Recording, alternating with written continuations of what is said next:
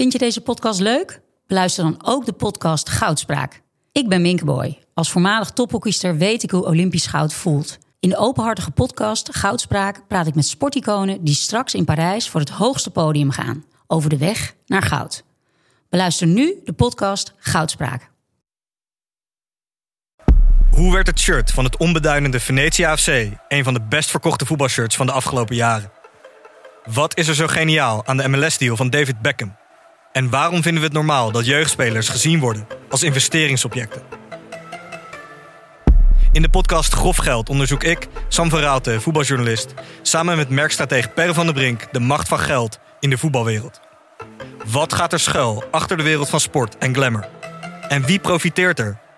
Luister naar Grof Geld en hoor hoe de Skybox de staantribune beïnvloedt. Dit programma wordt mede mogelijk gemaakt door Toto. Maar dit zijn denk ik mensen die gewoon niet tot het meest evenwichtige deel van de samenleving behoren. dit zijn echt de twee pestkoppen van de Eredivisie.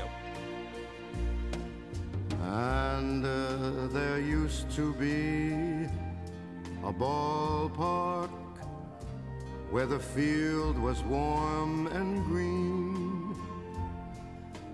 And uh, the people played their crazy game with a joy I'd never seen. And uh, the air Goedemorgen, middag, avond bij de podcast van Hartgras, aflevering 65. Naast mij zit Suze van Kleef, die zit altijd naast mij, want wij kennen elkaar het langste. Tegenover mij Wessel Penning van het Algemeen Dagblad. En naast hem zit Frans Tomezen van romans, verhalen, essays. Want binnenkort komt jouw nieuwe roman uit, Ja, genaamd. Swansdale. Het is geen voetbalclub, maar het is wel Engels. Ik, ik durf te wedden dat ze in Swansdale een voetbalclub hebben. Ja, ik Heb je, niet, heb, je, zelf- heb je niet geresearched? Nou, ik heb die plaats zelf verzonnen, dus lijkt me sterk.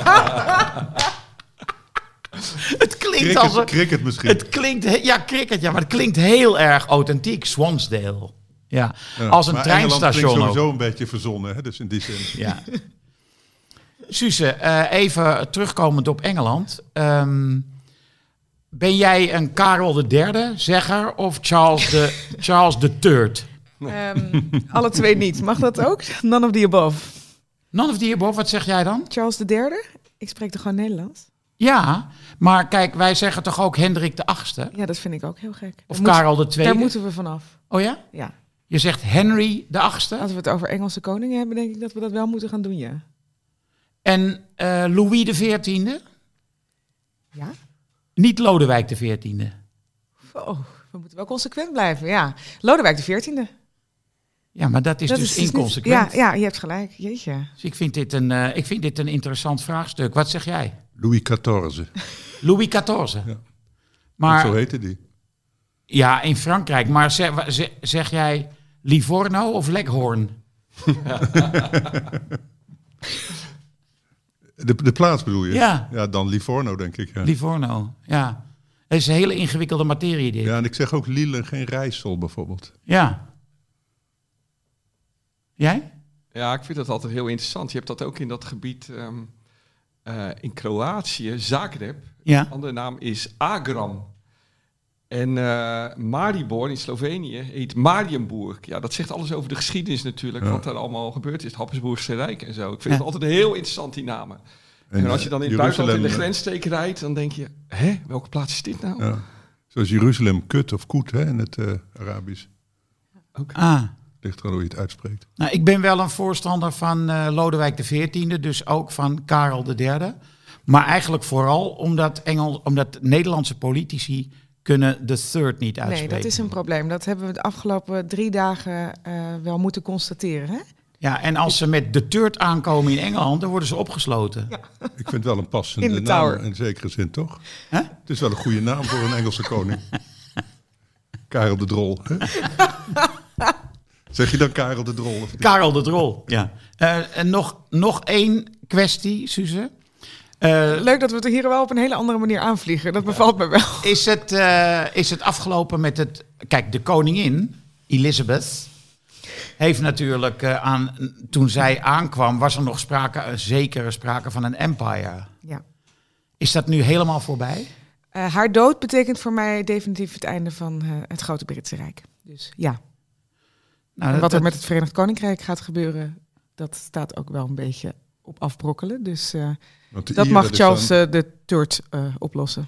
Su Suze, ik wil wel vragen. Ik heb je nou de hele week op tv gezien, dus dit is mijn kans.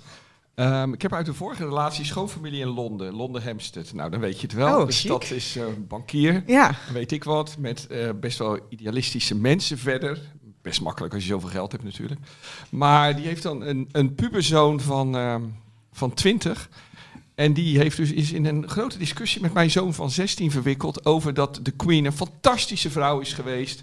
Maar ook een voor, volledige, eh, het Engelse Rijk wordt opgehemeld Ja. als dat dat een groot goed is geweest. En eh, dat, dat, dat de wereld er nu beter voor zou staan als we niet die grote Amerikaanse invloeden hadden gekregen. Dit zijn weldenkende mensen, een soort, ja, wel een elite.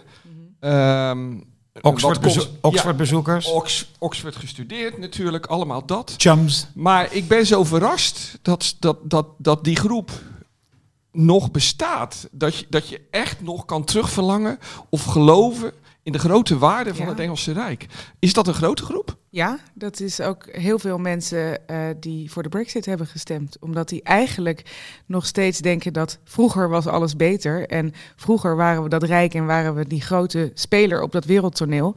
Daarbij inderdaad voorbijgaand aan alle eh, afschuwelijke dingen die het Britse Rijk natuurlijk ook op zijn naam heeft. Want het koloniale verleden eh, is natuurlijk eentje van hele donkere zijdes.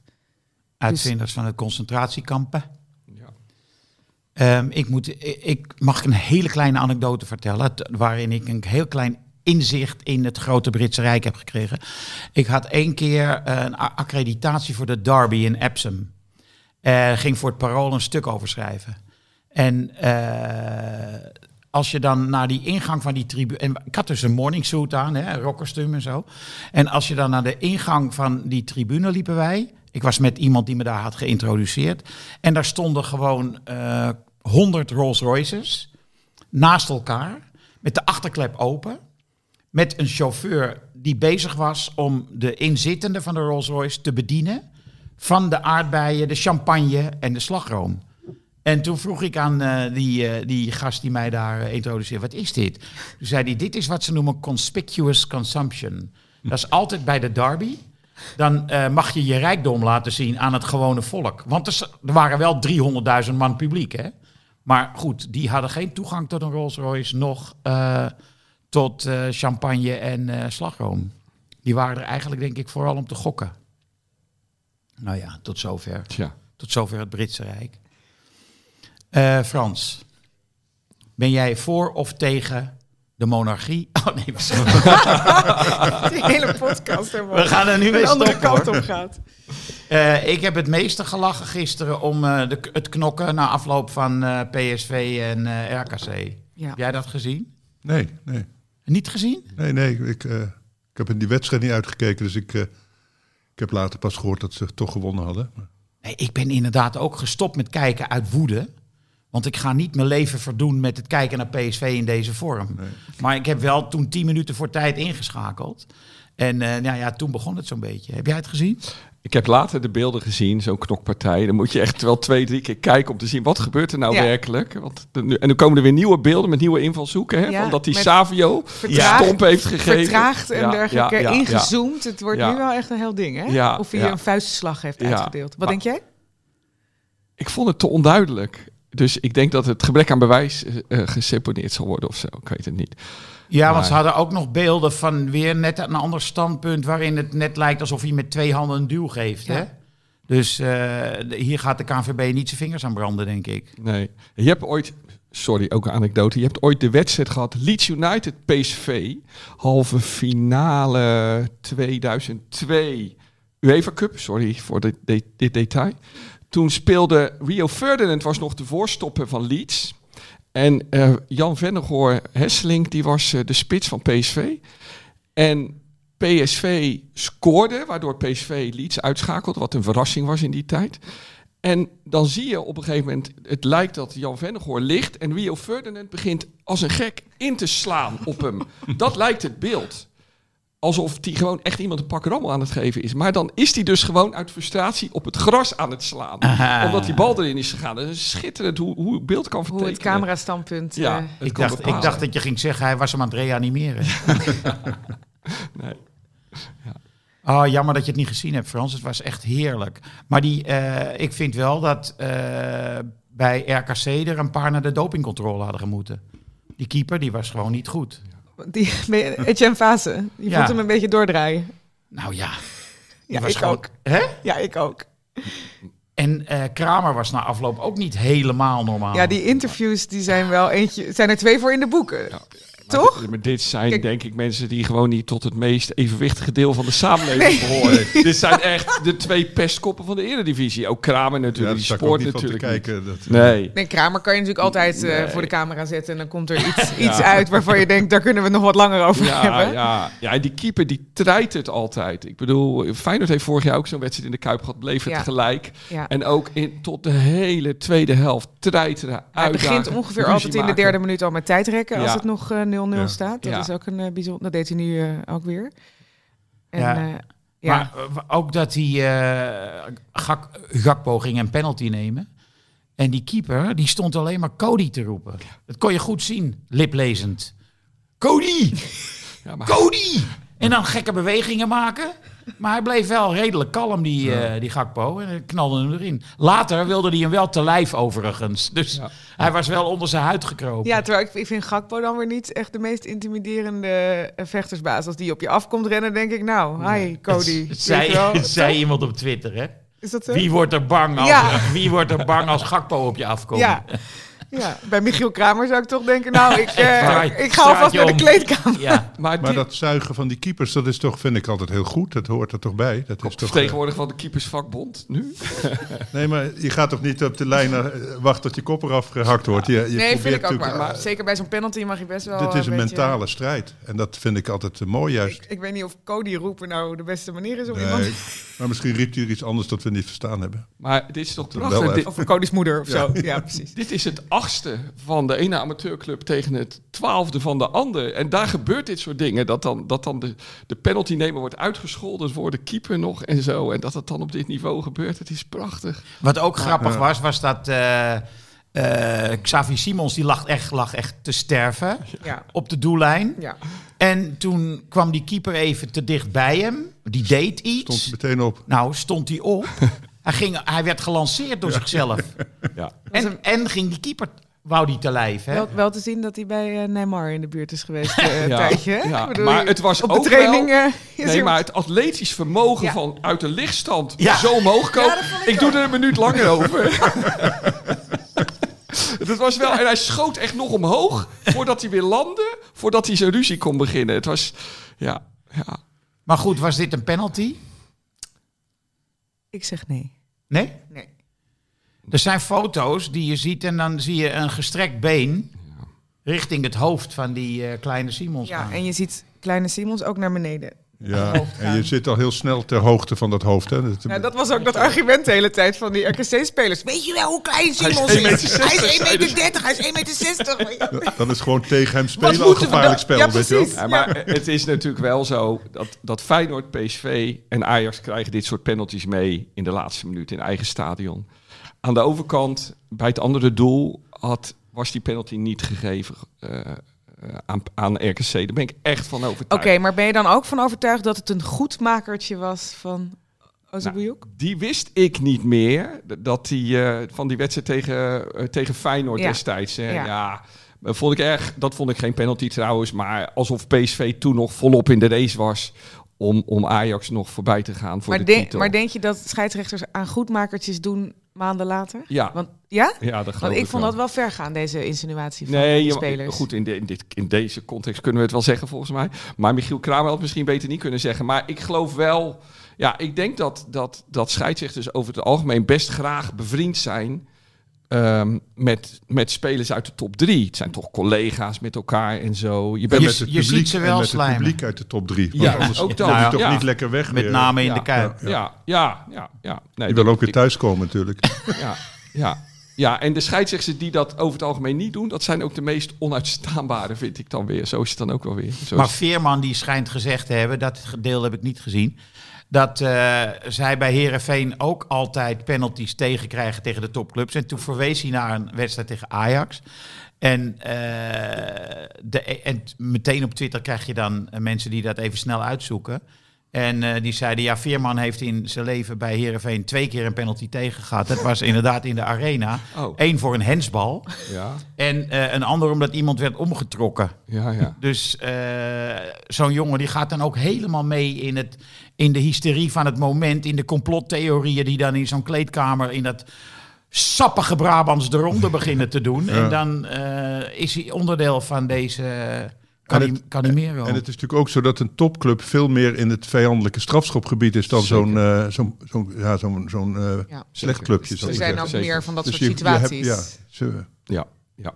Dat mooi, dat, mooi dat, dat Veerman er toch weer in slaagt om dan ook weer iets in zo'n interview te zeggen. Het gaat een keer niet over hem, maar dan heeft hij toch nog weer eventjes een moment. Ja, ja. Ja. Eh, ik, ver- ik vergat nog te zeggen dat eh, we moeten ons wel heel goed realiseren dat deze uitzending wordt gesponsord onder andere door Pocon, de firma Pocon. En eh, daar komen we later nog op terug. Dus eh Cambuur opgelet en opgepast. Eh, heb, Goeie jij, cliffhanger wel dit. heb jij een dode? ja, maar die heeft iedereen al gezien natuurlijk. eh, Piet Schrijvers natuurlijk. Hè. Dus dat, eh, de, de hele Eredivisie heeft er ongeveer een minuut stilte voor gehouden. De- Ja, Hij heeft overal gekiept met eh, af- afnemend grensnut, zal ik maar zeggen. Dus hij, eh, hij is er niet eh, beter op geworden, maar hij, heeft natuurlijk, ja, hij is natuurlijk legendarisch als keeper in ieder geval van eh, Twente en Ajax. En van het Nederlands elftal. ik, heb hem, ik zag dat, eh, een clipje van bij Studio Sport. Ongelooflijk. Ja, wat mooi hè? Dat hij eh, vier keer een bal tegenhoudt eh, van dichtbij. Ja, maar hij kon ook uitkomen op een manier, dat, dat, daar kunnen boksers nog wat van leren. Soms met zo'n vuist vooruit. De VAR eh, was prima dat hij er niet was in die tijd, denk ik. ja, die nam, die nam hè, dus je ging met gevaar voor e- eigen leven door als Piet eh, Schrijvers uitkwam. Dat zie je ook in die filmpjes. Hij, hij gaat al duiken of liggen. Eigenlijk te vroeg. Nu zou een keeper opdracht hebben gekregen, blijf nog even staan. Ja, Maar hij gaat zo brutaal, zou ik maar zeggen, komt hij zijn doel uit. Dat je ziet zo'n tegenstander eh, even inhouden. En dan heeft hij de bal. Ik vond het echt, het is wel precies uit mijn tijd. Ik vind het echt een geweldige keeper was het, Ja. vond ik. En hij heeft echt volgens mij een hele keepersgeneratie gemaakt. Want hij was volgens mij de eerste die echt zo vol zich breed maakte. Wat, wat, wat Neuer tegenwoordig doet met al zijn Hij ledematen. was al een beetje breed van zichzelf. Ja, nogal ja. En, en, maar hij, hij was echt dat lichaam. En, en, en, en nou, gisteren zei Andy Jonker het op Studio Voetbal. Hij heeft de stift eigenlijk eh, een beetje... eh, veroorzaakt. veroorzaakt. Ja. En ik, nou ja, sorry. Eh, mijn eerste Feyenoord-Ajax was eh, in 1979. Het werd 4-0 voor Feyenoord. Ja, die, die vergeet je niet gauw natuurlijk. Begrijpen jullie. Maar, ehm, ehm, en toen kwam Peter Petersson, de spits van Feyenoord, die kwam af op, ehm, eh, op Piet Schrijvers. En het was natuurlijk weer een van de mindere Ajax-jaren.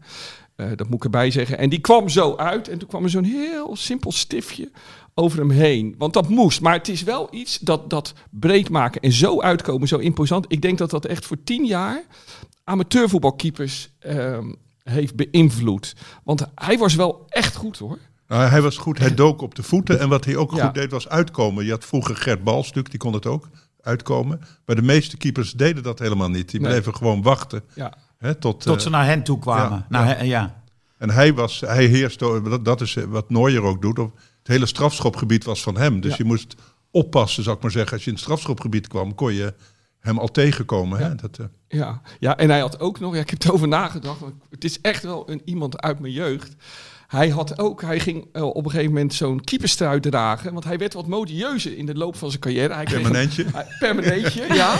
En een beetje, toen was hij al trainer, volgens volgens mij. mij een beetje geblondeerd. Nee, want ook tijdens het WK 78 nog, maar hij had op een gegeven moment zo'n keeperstrui, had je zo'n Adidas keeperstrui, met dan hier zwart en hier onder geel. En ik denk dat dat echt 10 tot 15 jaar lang daarna de keeperslijn van Adidas is geweest. Waardoor al die amateurvoetbalkeepers die ik altijd tegenkwam, die liepen er een beetje als Piet Schrijvers Ja, bij. want daarvoor was de keeper in het zwart, hè? Nou, Ja, Gert ja. Had ook altijd eh, een Ja. lichte trui aan. Ja, en je had ook een soort veder op. Ja. Ja, ja, ja. En die Piet Schraaf, dat had kooltruien nog. Ouderwetse kooltruien. Ik zag eh, Ja, schrijvers... maar dat was echt zo'n zwarte keeper, Pieter. Ja, eh, ja. Ja, ja, ja, en de Munk helemaal. Ja. Ik zag eh, schrijvers echt één keer in de twee weken. Want ik ging als jongetje van 15, 16 altijd naar eh, DWS kijken, de jeugd. Jan van Galenstraat. Eh, op de ene zaterdag speelde dus de betaalde jeugd. Met onder andere Tony Bruinslot. En op de andere zaterdag speelde tweede. En Schrijver stond op doel bij DWS. Eh, aan het begin van zijn profcarrière. Hij kwam van HVC. En toen heeft hij een jaar of twee, anderhalf misschien, bij DWS gespeeld als tweede man achter Jan Jongbloed. Oké. Dus eh, ik zag schrijvers altijd. Speelde niet met, eh, bijvoorbeeld, om een voorbeeldje te noemen, Piet Kruiver. Ja. Die was van Feyenoord naar eh, DWS gegaan. Werd ook meteen marktkoopman op de Albert Kuip. En eh, ja, Maar toen was- had hij al de naam dat hij eigenlijk beter was dan Jongbloed. Kan ik- Nou, er was wel een soortement van Ja. permanente concurrentiestrijd. Eh, vooralsnog altijd beslist in het voordeel van Jongbloed. En volgens mij is hij daarom weggegaan naar FC Twente. ja. Omdat hij in het eerste eh, geen kans kreeg. En er was zo'n verhaal, dat kon ik nergens meer terugvinden. Maar dat zal wel ergens in die tijd zijn dat hij op zijn retour was. Dat hij onderhandelingen had volgens mij met Ajax. Want ik kwam het tegen bij Michael van Praag. Die, die, die eh, vergeleek met een blok cement of zoiets. Dat hij ooit in een onderhandeling heeft gezegd... Ja, als ze, als ze me niet betalen, dan ga ik toch gewoon terug in de bouw. Ja, ja maar, dat, maar dat denk ik ook waardoor hij zo'n legende is geworden. Hij zag er ook echt uit als een dakdekker. Ja. maar ik kwam dat dus te- omdat hij van Praag weer over cement begon. Dat heeft er toch wel Ja. ingehakt bij Ajax. Ja. Dat, dat, ze, dat die kennelijk onderhandelde die ook zelf dan, heb ik dan begrepen. Herinnerd in ieder geval. Ja, het was wel, eh, hij vond het niet leuk dat hij weg moest bij Ajax hoor. Toen hij, eh, uiteindelijk heeft Ajax volgens mij, als ik me goed herinner, besloten om hem niet door te gaan met hem. Ja. Maar ja, als je dan later bekend komt te staan, is het lek van PEC. Het is natuurlijk wel goed dat Ajax hem Maar heeft laten gaan. Hè? Eh, Wessel, jij zit hier natuurlijk eh, met een rustig gemoed. Want Feyenoord heeft weer een spits. twee zelfs. Ja, maar die ene die was wel echt eh, indrukwekkend. Ja, ik zat in het stadion ter hoogte van eh, waar hij scoorde. En ik snapte hem niet. Ik snapte niet hoe die hem... Ik zei, was nou een hakje?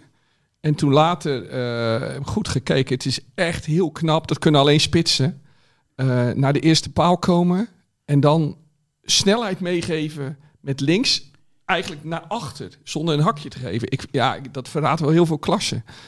Denk ik. We hebben het over Jiménez, Ja, Jiménez. de Mexicaan. Ja, ja. is echt wel. ehm, kan best wel. ehm, ehm, nou, in ieder geval een heel interessant fenomeen voor ons nog. Even afwachten of die echt goed genoeg is. Maar ik vond dat wel. Dit is nou precies wat spitsen bijzonder maakt. En dit is ook iets wat bijvoorbeeld. We zullen zo nog wel op Kudus komen. Dit, de- dit kan Kudus niet. Maar dit kan Brobby wel, denk ik. Dit is spitsenkwaliteit. Ja, Eerst ik, de d- paal ik, komen. dacht, ik dacht ze hebben de nieuwe Kroes. Oh ja. Ja, maar ik vond Kroes meer een geweldige voetballer dan een spits misschien. Hij scoorde ook niet heel veel. En dit is een, iemand die volledig leeft bij doelpunten. En dat zijn een apart soort mensen is dat. Dat was, dat was ook zijn excuus, toch? Omdat hij, toen hij die eh, strafschop jatte Ja. van Gukju. Ja, maar, maar zag je ook... Dat is natuurlijk een belabberde wedstrijd die Feyenoord speelde bij Lazio. Ja. Ehm, maar die goal die hij maakte...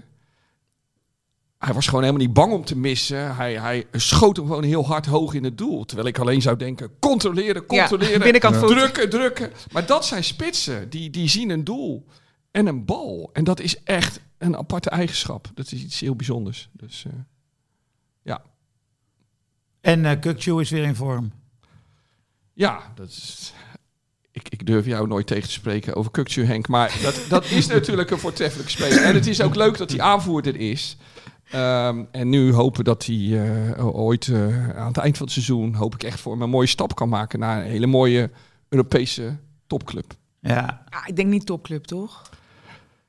Gewoon lekker een subtopclub. En Maar dan ik- dat eh, durf ik gewoon niet een, te zeggen Henk bij tussenstap. is. ja nee, ik ben het helemaal met Suus eens. Oké, een tussenstap. Oh, als tussenstap. Ja, ja oké. Zoiets. Ja, maar waar moet je dan heen? Sou- Southampton, ja. Bijvoorbeeld. ja. Maar je moet niet bij Bournemouth komen, Nee, bijvoorbeeld. nee, nee. nee. Dat is het altijd Nou, een moeilijke lijkt me. Brighton weer wel, eventueel. Met een goede trainer, ja. Ja. ja. Eén of twee seizoenen wennen aan hoger tempo en dan... eh, Wat Wijnaldum heeft gedaan, hè, die naar Newcastle ging. En Van toen, Dijk? eh, ja, Van Dijk, zeker, zeker. Maar je kan ook volgens mij zo, als ik, toen ik hoorde Gakpo misschien naar Southampton, dan zie je zo'n jongen verpieteren in een treurige Engelse stad, nauwelijks de bal krijgen in een wedstrijd. Je bent zo afhankelijk Ja, van het wat ligt er om wel een beetje gebeurt. aan wa- wat Ja. de speelstijl is en wat Ja. de trainer is, et cetera. Ik zou niet blind naar elke eh, Engelse club gaan. Nee. Maar, Brighton is best leuk om in overal te op de wonen. bank. Als die, als die Gakpo weg was gegaan, had hij nooit meer een bal aangeraakt, Nee, volgens mij. Nee, nee. Dat- Die moet echt proberen in de eredivisie nog een beetje Ja. mee te komen. En het Nederlands elftal kan die ook vergeten, denk ik. Nou ja, hij kan een. El Ghazi worden natuurlijk. Dat kan hij worden. Ja, Wat El een is El Ghazi, dus ik weet ook niet of dat zo geweldig is, toch? Nee, maar dat is negatief. Nou, dat bedoel je bedoeld. negatief bedoeld? Ja. Ja, ja, ja, ja, Die ja. hakbal wel. Dat was echt wel een eh, zeg maar demonstratie van echt wel klasse. Wel, hij kan natuurlijk, natuurlijk, en een Gakpo kan hartstikke goed voetballen, maar en, eh, El Ghazi ietsje minder, maar ook wel goed natuurlijk. Maar vind dat geen topspelers. Het gekke is bij El Ghazi, die heeft zich niet ontwikkeld. Want die had een, eh, zijn laatste, volgens mij zijn laatste seizoen bij Ajax. Stond hij na acht wedstrijden op iets van 10, 12 doelpunten. En toen raakte hij geblesseerd. En dus toen, toen weet je wel, toen eh, nam dat af, dat gemiddelde. Ja, hij heeft een heel goed schot en hij was- was snel natuurlijk, maar in het voetbal van nu met al die positiewisselingen Nee, en die ja. kleine ruimtes Ja. is het wel een beetje een grof besnaarde speler, vind ik. Ja. Maar denk je dat Gakpo ook geen topvoetballer wordt? Nou, die heeft, die heeft natuurlijk wel de techniek en de en, als, en snelheid en al die dingen, maar die Ja. heeft misschien niet de kop ervoor. Om, hè, de- wat we zeiden, dat hij te, te lief is voor iedereen. Dat is natuurlijk, als je ziet, hè, zo'n zo'n bergwijn, dat is natuurlijk een fel baasje. Of eh Tadic, of weet ik wat spelers die op zijn positie spelen. Die vind ik toch wel mentaal van een andere orde dan hij. Terwijl hij misschien mooier schiet of weet ik wat. Maar ik weet het niet. Ik eh, vind hem niet per se... eh, eh, ja, hij heeft, hij- Op de rand van de wereldtop. nou ja, vooral omdat hij, als het erom gaat, juist slechter gaat spelen. Hè, dus terwijl de, de, de Anthony's, zou ik maar zeggen, van deze wereld, die schitteren als het moet. Of Tadic heeft zijn allermooiste wedstrijden natuurlijk tegen Real Madrid en dergelijke gespeeld. En Gakpo speelt zijn wedstrijd, beste wedstrijden tegen Excelsior of weet ik wat dat voor clubs zetten. Ik heb altijd zo het idee dat het er maar zijdelings toe doet hoe goed je echt bent of je slaagt in het buitenland. Je moet geluk hebben volgens mij met, met je medespelers, met je keuzes, dat je niet geblesseerd raakt en zo. Volgens mij de- de- ja, stranden er zoveel jongens in het buitenland terwijl dat eigenlijk niet nodig zou zijn geweest. Nee, maar als je altijd. goed bent, dwing je dat af. Die Anthony die dwingt dat bij Ajax af, die dwingt dat bij United af. Wel, maar als je nu bijvoorbeeld zo'n aankoop bent van Tuchel bij Chelsea, Ja, dan heb Ja. je toch wel een probleem, toch? Ik bedoel, want er komt een nieuwe trainer, die gaat het natuurlijk helemaal even over de andere boeg gooien, terwijl je bent net drie weken bij Chelsea begonnen als speler. Nou, je ziet ik zou het- niet blij zijn als je gekocht bent door Tuchel. Nou ja, Nee, wat eh, zie je dat- met La- Lampard had natuurlijk. Ja. Nee, maar je hebt volkomen gelijk. Want je ziet aan bijvoorbeeld eh Martial, die had, de- heeft deze week dus een eh, interview gegeven over eh, zijn ideeën over de vorige twee trainers van Manchester United. Die maakt hij met de grond gelijk. Maar hij schittert, pardon, hij schittert wel weer eh, nu eh, de momenten dat hij in het elftal staat. eh, is hij gewoon heel erg goed. Rashford, idem dito. Kapot gemaakt door mensen als Mourinho en zo. Dat geldt ook voor Martial. En Ten Hag die is toch meer in staat om het goede uit die, uit die voetballers te halen. Ja, maar goed, dat geldt dus voor alle spelers. Hè, Iedereen wordt slecht van een slechte trainer, dat is eh, duidelijk. Nee, maar had Donny van der Beek, wat ik echt een, typische voetballer vind, een echt, echt wel een exponent van het Nederlandse voetbal eigenlijk. Die, die, toen waren er twee clubs in de markt, Real Madrid ja. en Manchester. Ja. Nou, ik denk dat het bij Real net zo'n drama was geworden als het nu is bij Manchester. Zo'n jongen moet dan toch misschien iets anders kiezen. Die moet toch wat, wat minder snel, nou ja, wat jullie nu zeggen. Jullie zijn natuurlijk allemaal weer niet geneigd in, in dat stadium te zeggen dat Donny van der Beek een tussenstap had moeten Jawel, dat maken. denk ik wel. Ja, maar, Henk, wel, Henk, maar- Henk en Frans vinden dat niet, denk ik. Jawel, Maar ik denk eigenlijk dat vrijwel elke Nederlandse speler een tussenstap Ja, moet maken. ja. Als hij, zeker als je naar de Premier League gaat. Het Ja. is gewoon echt een hele andere wereld. Echt een heel ander niveau. Als Ja. je van Excelsior eh, uitkomt. En dan ga je. Je ziet gewoon in Engeland dat ook grote clubs punten laten liggen tegen de nummer 15. Hè, dat is gewoon echt een ander verhaal. Dus Maar het is gewoon, ik denk ook dat het heel moeilijk is als je Donny van der Beek bent en Real Madrid en Manchester United zijn voor jou in de markt om dan te zeggen, nou, doe toch even Brighton. Ja. Weet je, ja, dat doe je toch ook niet. Nee. Hey, maar geldt dat? Ja, want in, inderdaad, als je nu kijkt, Salah is natuurlijk groot geworden bij Roma. Mané is groot geworden bij Salzburg. Salzburg. Het, nou zou ik de s- tussenstap Salzburg vind ik dan weer niet echt een tussenstap. Maar, maar in ieder geval dat je dus... Nou, te- Haaland heeft dat dus wel gedaan. Hè? Haaland is keurig ja, eh, stapsgewijs naar de City. En die is nu eh, ja. Ja. de king van de Premier League. ja, ja, ik vind Haaland en Anthony, dat, ja, dat vind ik top, potentie top 10 voetballers van de wereld. Dus, maar misschien geldt het voor alle anderen. Want al die buitenlanders die daar rondlopen in de Premier Nee, maar League. Haaland had ook natuurlijk eerder naar een topclub. Ja. Die heeft dat expres niet gedaan. Nee, maar ik vind Dortmund op zich ook wel topclub. Ja. denk ik toch? Of, nou ja. Maar al die andere buitenlanders in de Premier League, die komen maar zelden direct uit hun competitie. Ik vind dat een grote vraag. Ja. Daar zou ik maar even in willen duiken. Maar Ja. als we kijken naar de Nederlanders die de afgelopen jaren naar de Premier League zijn gegaan, naar grote clubs. Hè. Ik bedoel, Bergwijn is geweldig in Ja. Nederland, maar eh, is gewoon niet, is niet gelukt. Nee, maar het geldt ook voor die grote talenten. Richarlison bijvoorbeeld, die gold toen. Nou ja, ja. Ging naar Everton. Ja. En, en dat gold als het talent van Brazilië. Ja. Juri Tielemans Ja. die ging naar Leicester. Ja. Ja, Maakte vervolgens Leicester kampioen. ja, ja.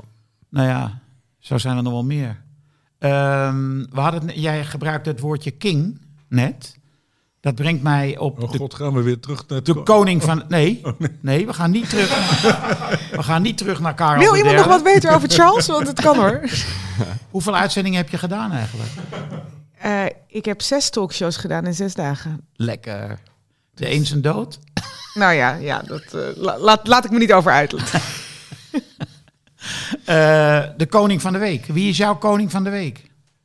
Ja, dat is denk ik dezelfde als die van jullie. Dus eh, eh, ja, dat, dat kan niet anders dan Kudus zijn, eh, volgens mij.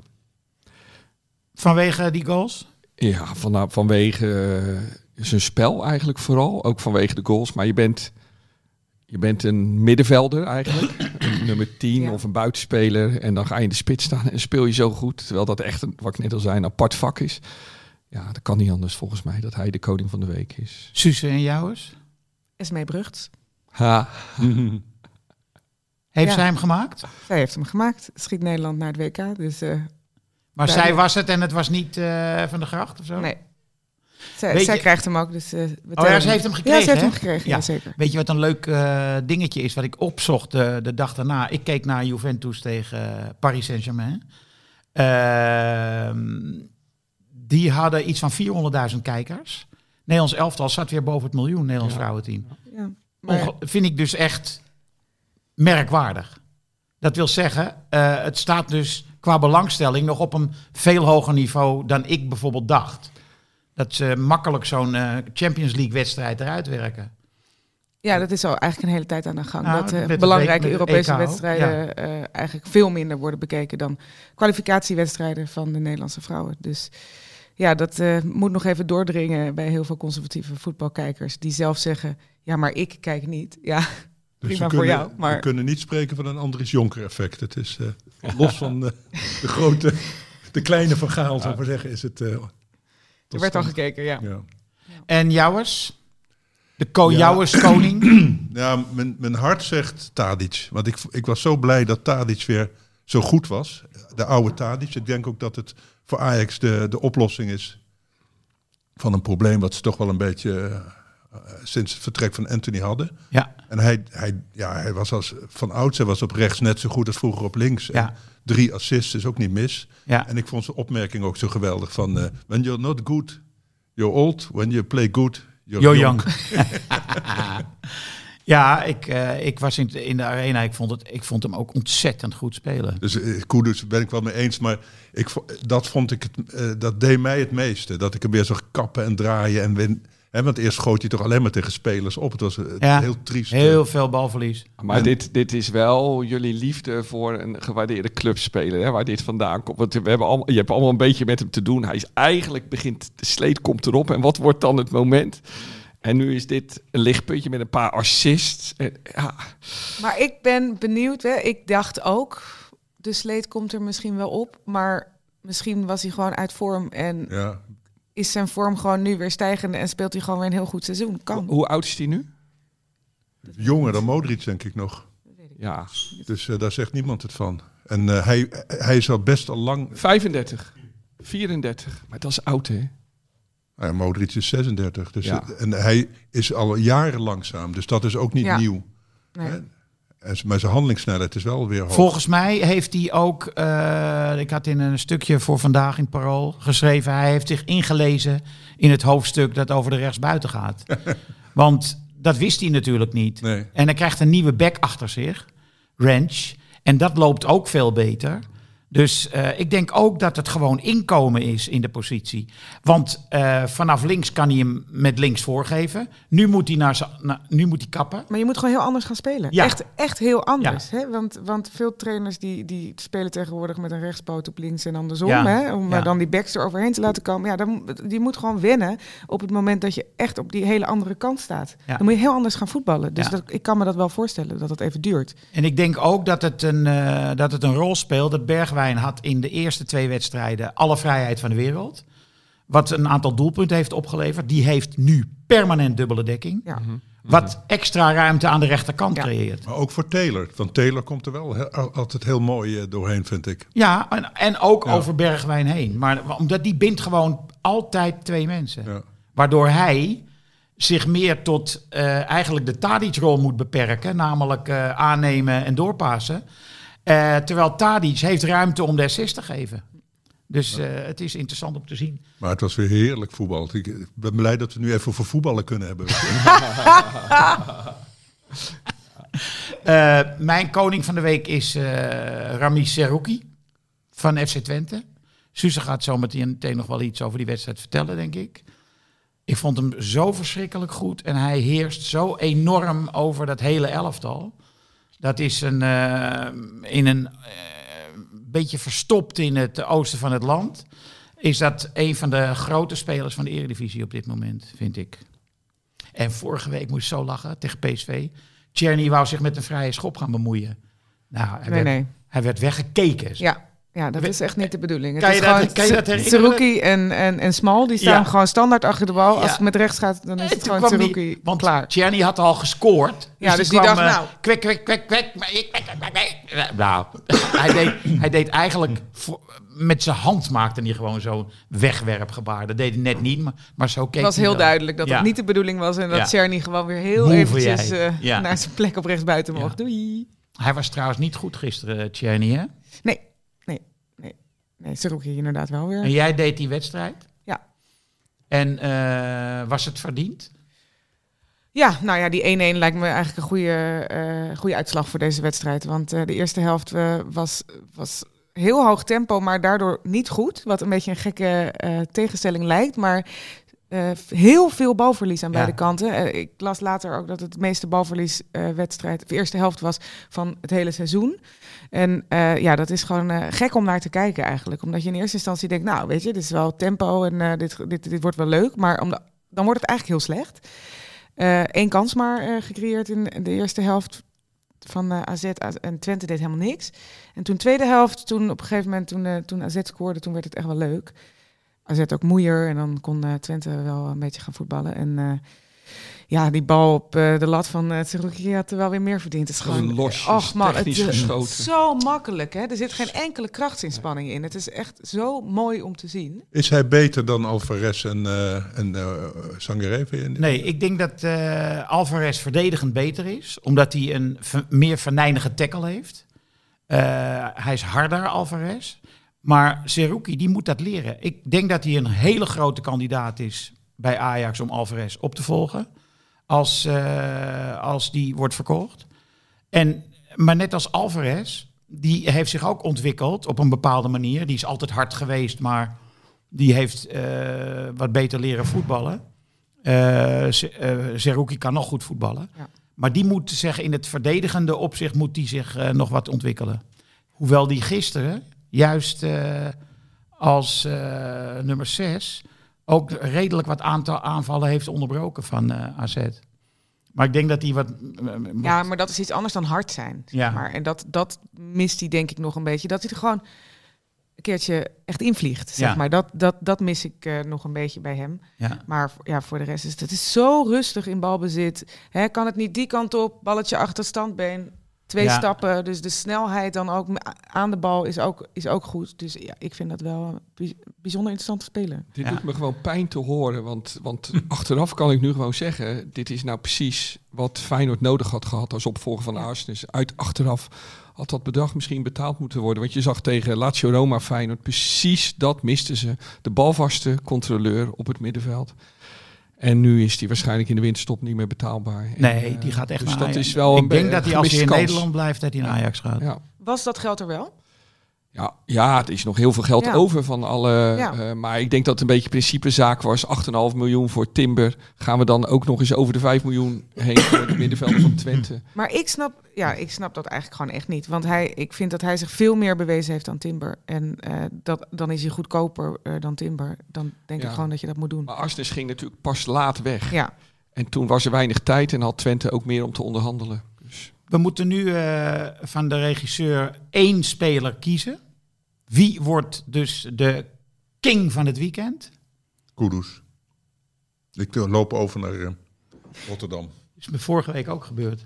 ja, ik sta nog steeds bij mijn eigen keuze. Dus Esmee. ja, Dus nu heb ik het in de hand. ja. ik Als ik Esmee zeg, dan eh, moeten we een dobbelsteentje gooien. Ah, jij bent de baas, hè? als jij, als jij zegt, kan ik ermee leven. Ik zeg Esmee, want het is natuurlijk eh, ten eerste de, een van de hele grote beloftes van het vrouwenelftal. En bovendien is, niet, niet geen, is geen wanneer je dus eh, een team naar de WK brengt. Het WK brengt. Oké. Esmee is de koningin van de week. Ehm, ja. Wisten jullie dat Pokon Gazon revolutie dat je daarin, als je daar zo'n zak... Ik heb thuis in mijn kamer zo'n zak staan. En eh, die staat al klaar om mee te nemen naar Frankrijk, waar ik dus een grasveld heb, twee. Eh, je hebt alles in één voor je gazon. Je hebt mest, je hebt graszaden en kalk. Zodat mos, onkruid, minder kans krijgt. Ja, bij En- mij heeft het ook niet veel kansen. Ik heb tegels, maar goed. Het, eh, Dan krijg jij geen zak Pokon. Oh, shit. Ja, die loop je dan mooi mis. En, ik ik, weer voor niks te lullen. Ik ben, ik ben heel erg gewend aan mijn grasveldje, omdat het dus, dat glooit. En eh, mijn dochter, toen, toen ik, ik was bij het WK 1990 geweest. eh, na de wedstrijd tegen Duitsland vlogen we onmiddellijk naar huis. En ehm, toen kwam ik daar aan. En toen, de dag daarna, was ze een beetje aan het spelen in het gras. En toen ging ze staan en toen liep ze omhoog. Dat was de eerste keer dat ze haar ehm, st- eerste stapje, dat, was, dat waren haar eerste stapjes. Ja, maar ik kan getuigen dat het gras vo- voortreffelijk is. Ik heb wel eens met, met kleine zoontjes, toen ze nog klein waren, bij jou gevoetbald. En dat ja, was oogstrelend. Het is wel eh, hard gras, het is dus koeiengras. Ja. Eh, maar eh, ik denk dat Pokon echt gaat helpen om er een wat meer gazonachtige materie van te maken. Heb je de beste grasmatten van de wereld in Engeland, eh Suze? Oh, dat durf ik eigenlijk niet te zeggen. Kew Gardens. Maar ze zijn, er zijn wel, hè, als je kijkt naar ook gewoon de parken in Londen, Ja. die worden onderhouden. Dat is niet te geloven, zo, zo goed en zo mooi. Daar staat gewoon iedere dag staan daar mensen met nagelknippertjes eh, dat gras bij te werken. Dus eh En Pokon. misschien wel. En, en Pokon, En inderdaad. Pokon. Ja. Maar En ik ben dus regent in Kew? Gardens geweest, Suust. En daar lagen dus gewoon een stuk of 15 van die eh, grassoorten naast elkaar in, een, in een gazonnetje. Cricket, eh, polo, eh, weet je wel, van allerlei soorten. Ook met eh, de naam van de zaden erbij. Het is, het is echt geweldig om te zien. Ja. Ja. Heb Ja. je daar de titel van Hard Gras eh, Nee. ontdekt? Nee, nee. Die heb ik ontdekt omdat ik interviewde terreinknechten in de, in de eredivisie over hun grasmat. En toen kwam ik achter de term hard gras. Dat is Engels raaigras. En die terreinknechten die hadden het allemaal over... ja, voetbal moet hard gras hebben. Je kan niet met, eh, met eh, laten we zeggen, cricketgras... kan je niet een voetbalveld eh, bestrooien. Maar toen al deed de naam Pokon de ronde. In die tijd, is echt lang geleden. En ehm, het is ook zo dat eh, wij kunnen onze luisteraars aanraden om Pokon te gaan volgen via Instagram, pokon.nl. Voor, eh, en daar staan allerlei dingen, dingen op waar, waarvoor je Pokon goed kan gebruiken. Ja. Enfin, maar dit terzijde. Ik lees eh, dat het ook voor kamerplanten is, dus eh, ook voor mij zit er wat bij. Oh ja? Ja. Nou, dan krijg jij ook een eh, zak met Pokon. Echt een geluksdag, hè? Ja. Ja, Frans. Ah, ja. Ik heb een aquarium. eh, kan...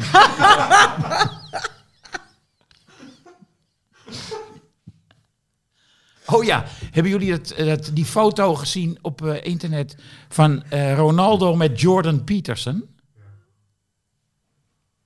Dus, ver- iemand had eronder gezet van, ja, dat verbaast ook eigenlijk helemaal niet. Dat Ronaldo zijn heil zoekt bij zo'n eh, steeds verder naar rechts opschuivende goeroe.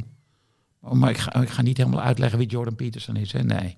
Maar goed, het is een Nee, eh, moet niet veel aandacht aan geven, toch? nee, is mafkees. Heeft eh, Thierry Baudet heeft, is daar toch in de leer geweest ook, of niet? Dat zou me niks verbazen. Ja. Ehm, Liverpool-Ajax is onze wedstrijd van de week. Daar moeten we dus een voorspelling over doen. Nou, Frans, jij zei vorige keer over Rangers Makkie. Ja, ik denk, een walk in the park is een beetje arrogant natuurlijk, eh, om dat op, over Anfield eh, af te roepen. Maar ik denk wel dat ze gaan winnen, ja. Ik, ik, eh, dat, die, die verdediging van Liverpool is zo aan het stuntelen. Dat krijgen ze niet in één keer, één keer goed. Ik denk dat die Kudus daar toch, die Van Dijk, wel een paar keer te, te snel af is. Van Dijk is eigenlijk wel een soortement van treurig eh, aanblik biedt. Ja, een reus op leme voeten geworden. Dus, Ja. Het ziet er indrukwekkend uit, maar het, het lijkt eigenlijk nergens meer op. Maar goed, dus, eh, we, gelukkig hebben we Timber. Hè, voor op alle posities. Want zie je, ze oefenen al hè, bij Ajax. Ja, Bessie rechts, Timber links. Dus Timber wordt klaargestoomd eh, om Van Dijk eh, uit het elftal te spelen, denk ik. Nou, hij moet niet zo doorgaan, want dan gaat eh, Van Gaal echt eh, piepen. Ja. Wat is jouw de stand? Ehm 1-2. En jij, 0-2. Wessel? 0-2. 0-2, Suze? Ehm, 2-2. 2-2. Ik zeg 1-1. Maar ik ben het eigenlijk wel met Frans 1 eens. Want eh Voorhoede is toch ook niet meer wat hij geweest is? Het- nou, Mané is wel een groot gemis. Ja, de hele snelheid is eruit. En die, en die Núñez zitten ze nu al over te klaar. Of net Núñez. eh, eh, Ja, hij heet Darwin ja. Dar- Darwin ja. Ja. Dat hij toch een miskoop is. Het is natuurlijk toch een beetje een onhandig eh, jongen. 80 Ja, maar die heeft tegen Ajax wel goed gespeeld. Ja, Ja. omdat hij hard kon rennen ach- achter blind langs. maar goed, het, eh, ja. Daar hebben we nu Bessie voor, toch? Die eh, Bess- Bessie, die, sprint iedereen eruit. Ja, Bessie eh, vangt alle gaten van blind op, Ja. hè? Ja. Dus Ik schrok me echt eh, de kleren. De, want hij leek zwaar geblesseerd. Afgelopen eh, zaterdag. Kreeg, eh, hij kreeg een schop tegen zijn knie. Moest eraf. Eh, dus ik denk, nou... Maar ze zeiden al vrij snel na afloop... ehm, Er zijn weinig spelers die zich zo snel onmisbaar hebben gemaakt, denk ik. ja, Toch? En ook eh, zonder problemen eh, alles begrijpen. Maar paasnau paasnauwkeurigheid is ook gigantisch Heel hoog, hoog. hè? hè? In, Dat- boven dat- de 90. Ja, En hij kan er zo lekker inkomen, vind ik. Dan, Ja. Hij neemt altijd Oh. zo'n tegenstander meteen mee. Die Ja. is even onder zijn lichaam verdwenen. En daarna komt hij weer met die bal er, eruit tevoorschijn. Dat, Ja. eh, heerlijk, ja. Ja, en ik zag ook bij, over Liverpool nog even. Ik heb die wedstrijd tegen Napoli gezien. En ik denk dat Napoli gewoon het beste elftal is in, in Pool A. ja. Wij zitten toch in Pool A? Ja, geloof het wel. Met Sarri ook, hè? Dat is natuurlijk op zich... Nee, is het Sarri? Nee, is het niet... Oh, nee, sorry, die zit Sarri bij is Lazio. Ja. Oh nee, die andere was het, ja, ja. Ik haal die altijd elkaar. Ja, maar ehm, die eh, Georgische jongen, die is dus echt heel erg goed. Enige voordeel voor Ajax is dat Osimhen, de, die andere spits, dat hij geblesseerd is. Want die was wel echt wel snel en daar had Van Dijk ook helemaal geen greep op. En daar hadden ze tegen Lille destijds ook al moeite mee. Met die Osimhen. Oh ja, Ajax. ja, ja, ja, ja, ja. En Bamba toen, ja, ja, ja. maar Ajax gaat gewoon met Liverpool eh, uitmaken wie eh, tweede wordt. Dat denk ik. Ja, je moet het met, met, eh, met, die, met de Italianen natuurlijk ook zien hoe lang ze het volhouden. hè. Het is nu even goed, maar... Ja, is dat zo? Ja, ik weet. Ja, nu, nu- wordt net gedaan of Napoli ongeveer het beste voetbal van, eh, van Ja. Europa is. Het was meestal, hoorde ik dat jullie meestal zeggen over Ajax. Maar nu is dat opeens Na- Napoli geworden. Dat, Ja. dat, ja de, de, de goede wedstrijd tegen Liverpool. Maar het is natuurlijk wel zo- zo'n sorry voor het cliché, grootmacht in verval, die, die duidelijk opnieuw moet beginnen, maar nog steeds niet echt doorselecteert en vasthoudt aan oude gebruiken en dus nog incidenteel kan winnen. Maar of Napoli nou... Nee, ik geloof dus, er ook niet in. Nee, ik, ik, ik denk dat als Liverpool zich niet herstelt, Ajax gewoon eerste wordt in de pool eigenlijk. Nou, ik vond Napoli erg goed. Ja, Maar als- goed. ja ik, ik hoor ook wel van mensen die Italiaanse voetbal goed, goed volgen, eh, dat Napoli wel meer goede wedstrijden speelt. Dat dit niet... eh, Staat zo- bovenaan, ja. ja. En dus- het blijft natuurlijk heel knap om Liverpool helemaal overhoop te spelen Ja. natuurlijk. Hè? Dat eh, gebeurt toch ook niet zo vaak. Aston Villa deed dat ook hè, een keer. Ja, en eh, nou, de, de, de balans in die verdediging is volkomen zoek. Want die Alexander Arnold, die, eh, die Georgische jongen, die liepen gewoon langs alsof hij er niet stond. Hè? Het is echt eh, een probleem ook. Dus je denkt Bergwijn heeft er ook niet veel moeite mee. Nou, ik denk het niet, nee. Ik denk dat Bergwijn er ook langs kan. Misschien blind zelfs. Ja, maar er komt, er komt nu natuurlijk wel dat echte klopsausje. Dat gaat nu komen, Ja. hè? Dat, dat, dat full gas voetbal. Ja. En als je dat nog 90 minuten... en meestal kunnen clubs in verval dat dan nog één keer laten zien... dat zou Ja. natuurlijk nog kunnen. Maar als Ajax durft te voetballen... Hè, zoals Ajax dat heel vaak durft in uitwedstrijden... wat maar weinig trainers Ja. altijd durven... Ja, dan, dan maar als Ajax eh, een beetje behoudend gaat voetballen... dan... eh, Ja, want als je die Alexander Nee, Arnold, zo als je niet met hem mee, want hij wil naar voren gewoon Ja. natuurlijk. Hè, dus als je niet met hem meeloopt, ja, dan vallen er ook gewoon ruimtes natuurlijk voor Ajax. Maar als je wel met hem meeloopt, verdedigend gaat spelen, Nee, ze moeten gewoon hun vastzetten op hun eigen helft, net zoals tegen Ja. die Rangers. En dan heb je natuurlijk af en toe dat er één doorheen eh, glipt. ja. En dan moet Bessie maar even eh, op de turbo eh, terug. ja. Eh, ik had eigenlijk ook nog een, eh, een, een overleden persoon. Gisteren ging de Spaanse schrijver Xavier Marias dood. Is echt wel een. eh, het was een klap als je alle berichten mag geloven. Ken jij die schrijver? Ja, ik heb wel een paar boeken van, eh, van gelezen. Het is, eh, het is ja, een hele originele schrijver, vind ik. Met, wel, je moet wel van lange zinnen houden. Het is, het is, ik zeggen, het is een, een Spanjaard, maar die zinnen zijn wel een beetje spaghetti. maar dus, maar het, het- heel, ja, heel, heel ja, begenadigde stylist. En een beetje beïnvloed door veel van die Zuid-Amerikaanse schrijvers, Borges en zo. Ja. Zullen we zeggen, Hij heeft ook een voetbalboekje gepubliceerd. Over. is die eh, voor Real eigenlijk, denk ik? hè? Hij is een Madrileen, hè? Zelf van- Ja, hij was heel erg voor Real. Maar hij heeft in hard Min, gras. minpuntje. Mi- mi- hij heeft in hard gras een stuk. Hebben we, dat hadden we toen uit eh, El País gehaald. Over Messi geschreven. Ik zit nu even te kijken. Eh, hij noemt dan de grote vier van het internationale voetbal. Noemt hij eh, die Stefano, Pele, Cruyff en Maradona. En dat er zijn ook nog wel anderen die hun best hebben gedaan om daar zich bij aan te sluiten. Zoals bijvoorbeeld recentelijk Ronaldo of Zidane schrijft hij in 2012. Maar om uiteenlopende redenen vielen zij weer op. En zij kwamen dan een treetje lager terecht. In het gezelschap, Ronaldo, ken nou aan. Van uit andere uitstekende voetballers zoals Puskas, Gento, Van Basten, Suarez, Garincha, Beckenbauer en Best. Ik vind Van Basten ook niet leuk dat hij nu tot de tweede garnituur wordt gerekend door deze schrijver. Maar eh, uiteindelijk zegt hij, ehm, de essentie van het verhaal is dat hij denkt dat Messi eh, heeft het in zich qua talent om eh, zich te scharen bij de grote vier. Dus dat we nu een grote vijf krijgen. En hij zegt ook van, misschien is Messi wel eigenlijk de allerbeste. Maar toch gaat hem dat niet lukken, schrijft hij in 2012. Hè? Want hij voetbalt te robotachtig. Er zit geen, ehm, er zit te weinig emotie bij. Ja, ik geloof dat niet meer nu. Dat is vanuit het romantische ideaal uit de jaren zeventig. Dat voetballers uh, drie briljante vrouwen voetballers ook hebben. gek moeten zijn. Juist, Ja, dat is ja, het natuurlijk. ja. En dat Ja. kan qua fitheid gewoon niet meer, Nee. denk ik. Nee. Dat, wie was de laatste echte topper die zich nog misdroeg? Ronaldinho, denk ik. Ja, ja. Zo, ja, ja. Die nog eh, van de feestjes eh, af Ja. naar de training ging. Ja. Daarvoor denk- Gascoigne.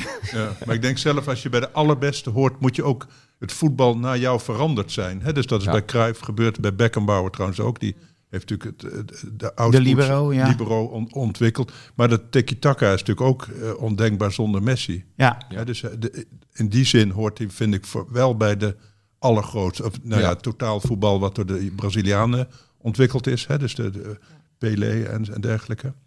Pelé, die, die kwam ook de bal al, al, hè, voor Nee, en die Stefano speelde ook op het hele veld. Hè? Ja. eh, bij Real Madrid. Vijf Europa Cups Ja. achter elkaar. Ik ben benieuwd, want dit was een stuk uit 2012. Dus Ja. of hij nog, eh, Messi nog een treedje hoger heeft. Ja, dat weten we nu niet meer. Nee. Toen was Geen hij WK ziek, gewonnen. Hij heeft geen WK gewonnen. Nee. Dat eigenlijk... Helaas was hij toen al ziek en kon hij het niet meer eh, helemaal goed zien, denk ik. Nou ja, je weet niet wat er gebeurt in Qatar. Want eh, Argentinië is volgens mij al vrij lang ongeslagen. Dus ehm, Maar dat zou wel heel mooi zijn dat dan, ook al is het in Qatar, dat dan, dat dan Messi toch nog één keer wereldkampioen wordt. Dan hoort hij En er echt bij.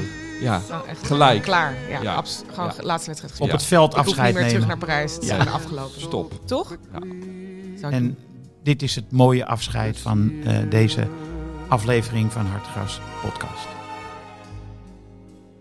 Yes, there used to be ballpark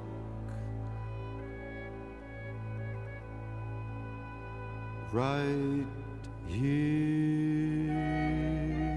Hartgras is een podcast die geboren is uit het blad Hartgras. Van papier, ja. Gek, hè?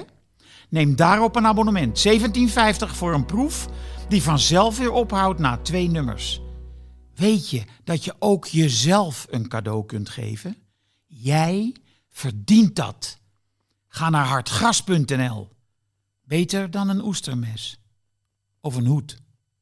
Dit programma werd mede mogelijk gemaakt door Toto.